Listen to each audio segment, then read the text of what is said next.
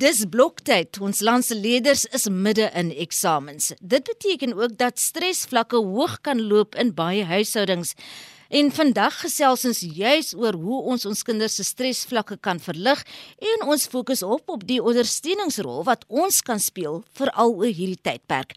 My gas vanoggend is Celeste Beskagni, 'n onderwysspesialis by die skole ondersteuning sentrum. Goeiemôre Celeste en baie welkom by Groeipyne.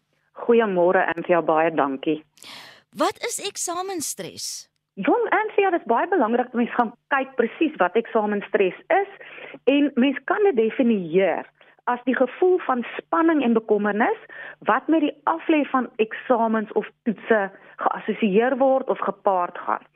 Nou, eksamenstres is nie noodwendig 'n negatiewe ding nie, dit kan baie keer positief wees vir die leerder want dit kan hom of haar aanspoor om bietjie harder te werk. So 'n bietjie eksamenstres is goed.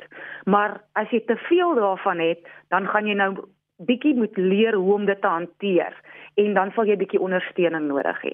En dis jy's waar jy nou inkom om vir ons te help daarmee sou dit begin neig asof 'n mens nie heeltemal beheer oor die situasie het nie. Wat veroorsaak eksamenstres? Is dit nou maar bloot net omdat dit bloktyd is of is dit 'n kind wat bekommerd is dat, "Hoe, ek gaan dit nie maak nie." Weet jy wat En ja, daar is verskeie redes. Ek het aanvanklik gesê daar's 3 redes en toe ek verder gaan kyk, toe besef ek daar is regtig baie redes wat eksamenstres kan veroorsaak. Nou, as jy gou kyk na ons huidige skoolstelsel wat baie gestel is op prestasie, uh onderskeidings, al daai tipe van die goedjies en die hoë kwalifikasies of die hoë punte wat jy moet behaal om op die ouene goed of kering vir 'n universiteit te kry, dan kan dit baie keer bydra tot eksamenstres veral omdat ons baie op summatiewe assessering gaan. Nou summatiewe assessering is fisies die toetse wat jy skryf en jy dryp hom of jy kom hom deur. So dit plaas baie druk op leerders om te presteer en dit is of hy kry 'n goeie punt of hy kry 'n slegte punt. Dit is goed genoeg of dit is nie goed genoeg nie. So dit is een punt. Dan is daar baie keer ouers wat druk toepas op leerders. Jy weet, ehm um, mense kry baie keer die ouer wat graag wil hê sy kind moet 'n ingenieur of 'n dokter word en ehm um, eintlik wil die kind gaan boer of so iets. So dan kry ons baie stres wat op die kind geplaas word. Ook kompetisie daar is deesdae kompetisie vir leerders om toelating tot universiteite te kry want daar is geweldige hoë toelatingsvereistes veral in sekere fakulteite en dit kan ook op die ou einde ekstra spanning op die leerder plaas. As mens gaan kyk na leerders self, jy weet mens kry sekere persoonlikheidstipes wat ons 'n tipe A persoonlikheid noem, daar's ander definisies ook daarvoor, maar dit is daai persoon wat homself druk. En baie keer kry mens dat sulke leerders hulle self regtig in 'n eksamenstres indruk. Ek het self uh, so 'n kind grootgemaak, baie goed gedoen op skool, maar hy het homself so gedruk dat hy moes maniere leer om sy spanning te hanteer. En dan natuurlik As jy nie voldoende voorberei is vir eksamen nie, dan gaan jy definitief bietjie spanning ervaar of daar is dalk iets anders in jou lewe wat op daai stadium aan die gang is en dit kan op die ouene ekstra spanning veroorsaak. Ehm um, ek het nou gepraat van die persoonlikheidstipes. Nou daar is ook persoonlikheidstipes wat nie hou van onsekerheid nie.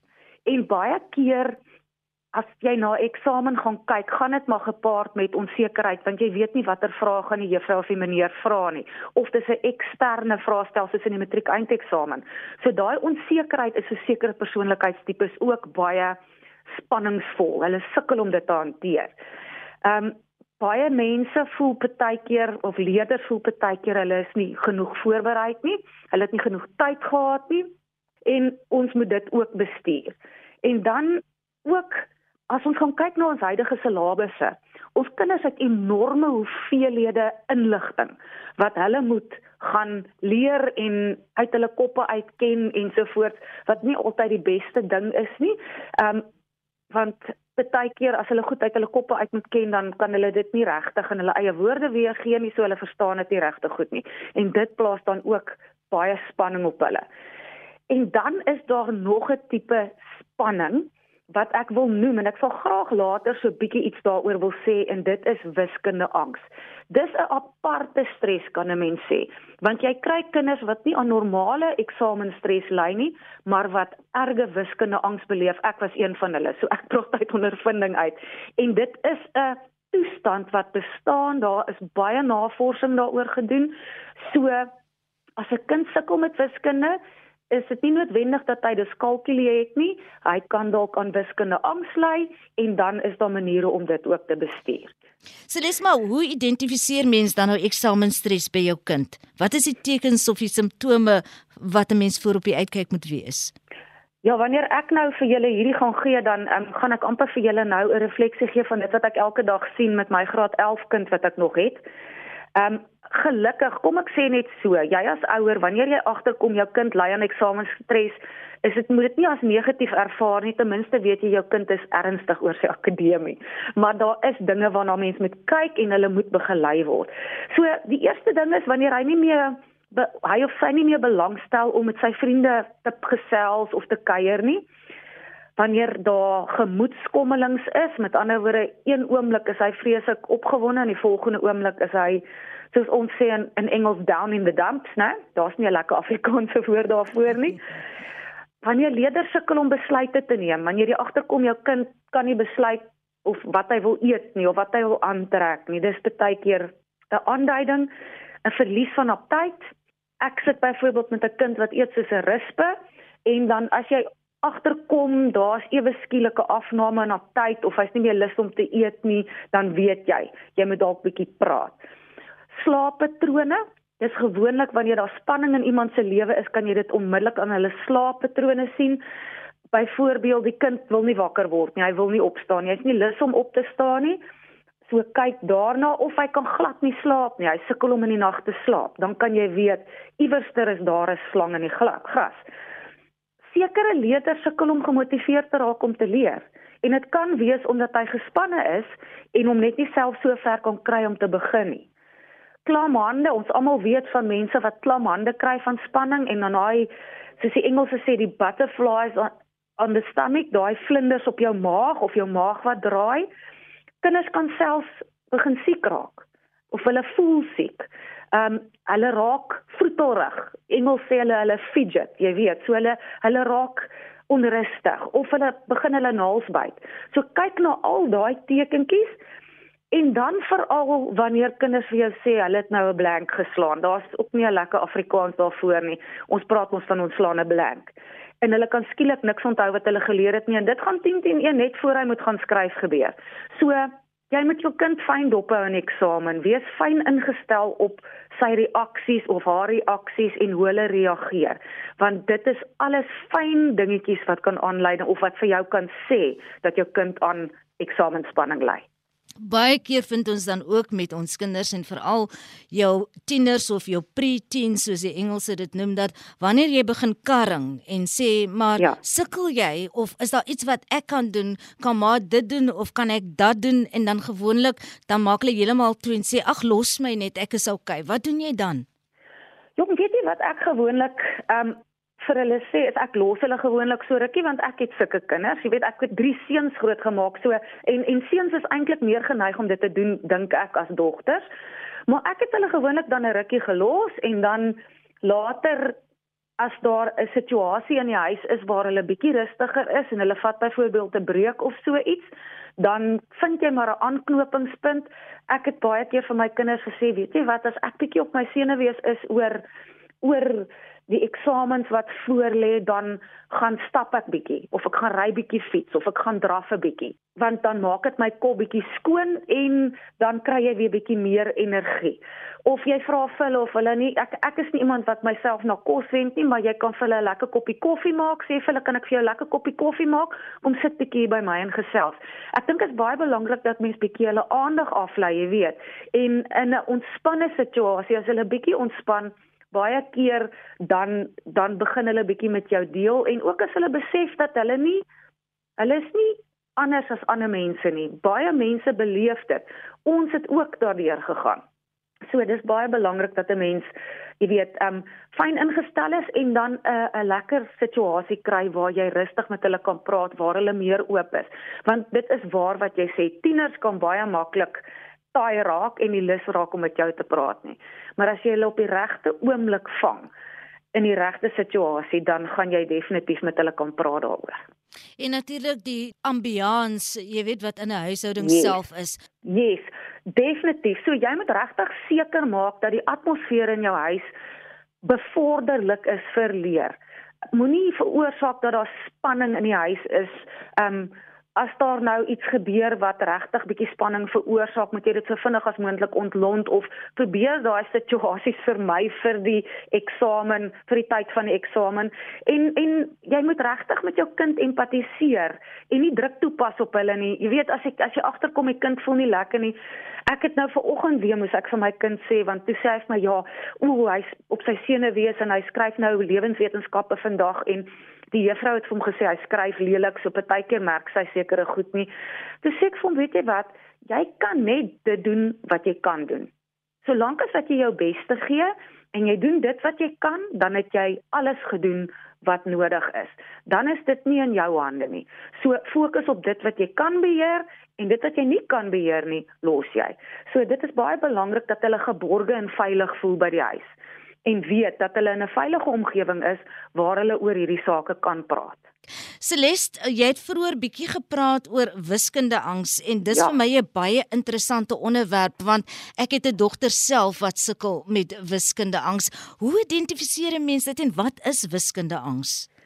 En ja, dit is 'n ding wat baie onderwysers verkeerd diagnoseer want die kind sukkel byvoorbeeld in wiskunde en dit kan selfs manifesteer in wetenskap want wetenskap ek het altyd vir my leerders gesê wetenskap is maar wiskunde net met ekstra woorde by. So dit manifesteer as wanneer 'n kind in byvoorbeeld 'n toetssituasie kom, dan slaan hulle net 'n blank. Nou om dit beter te verduidelik, gaan ek 'n situasie uit my eie lewe verduidelik want ek was nou een van daai mense wat erg aan wiskunde angs gelei het en ek het altyd gedink dit is ek daar's iets verkeerd met my ensovoorts. So wat gebeur het was toe ek op skool was, kon ek byvoorbeeld die moeilikste somme vir huiswerk vinnig en maklik doen. Ek het die antwoorde reg gekry. Ek het selfs vir van die ander kinders in die klas daai somme verduidelik.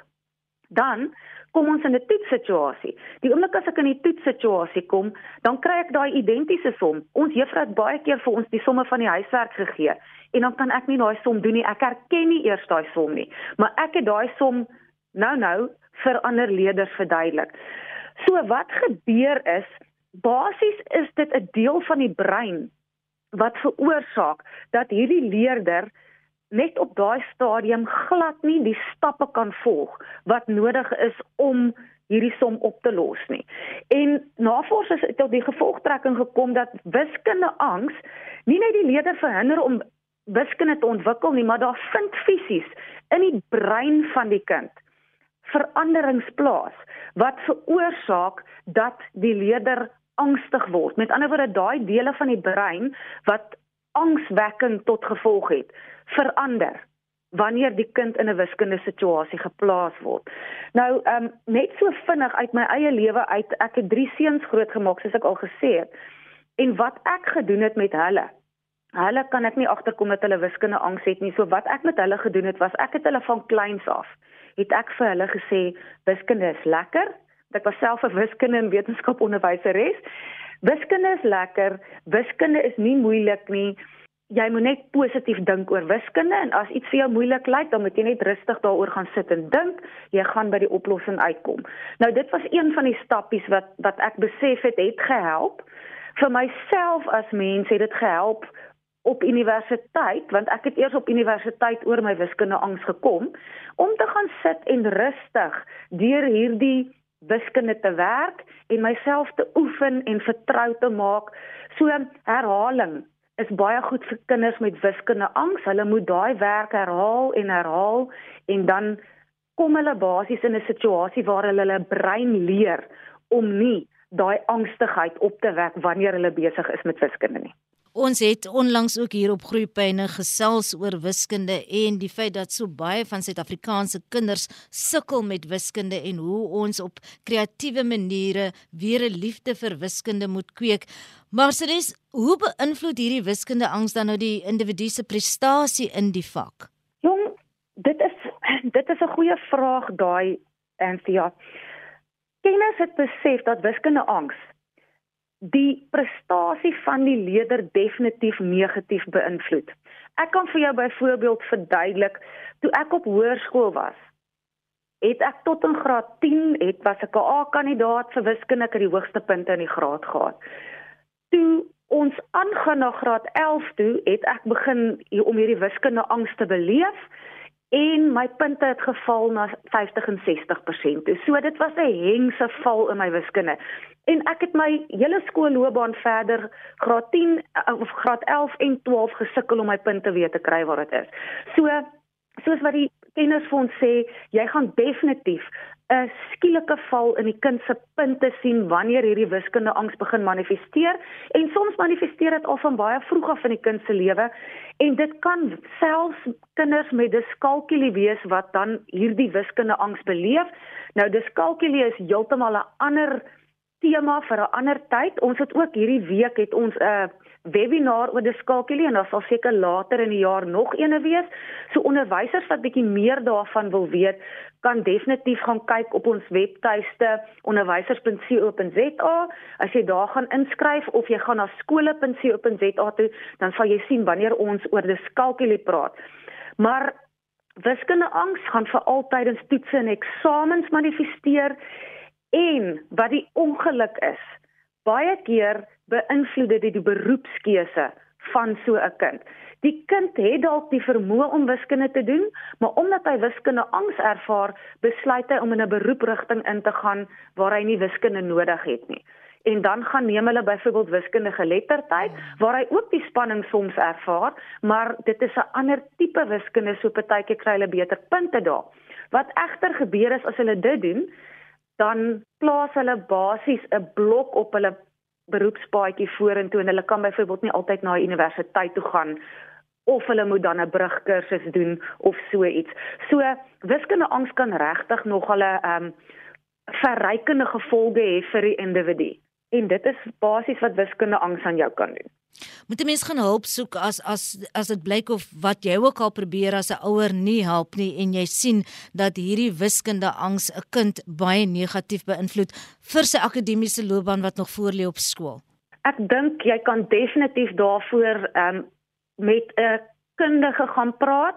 Nou 'n sielkundige of iemand wat in die sielkunde goed opgelei is, sal definitief die kind kan help, maar daar is ook onderwysers wat definitief hierdie leerder sal kan begelei en hulle sal kan help om die wiskunde angs op die ou einde beter te bestuur. Die ding is net die onderwysers moet kundig wees op die gebied van wiskunde angs want ons kry nog dat baie van ons wiskunde onderwysers soms dink dat die kind net nie voorberei het nie. Hulle besef nie dat die kind op daai stadium so 'n blank slaan dat hy regtig net nie kan funksioneer nie. Sy brein stop net, hy kan nie funksioneer nie. So ek sou definitief voorstel goeie sielkundige.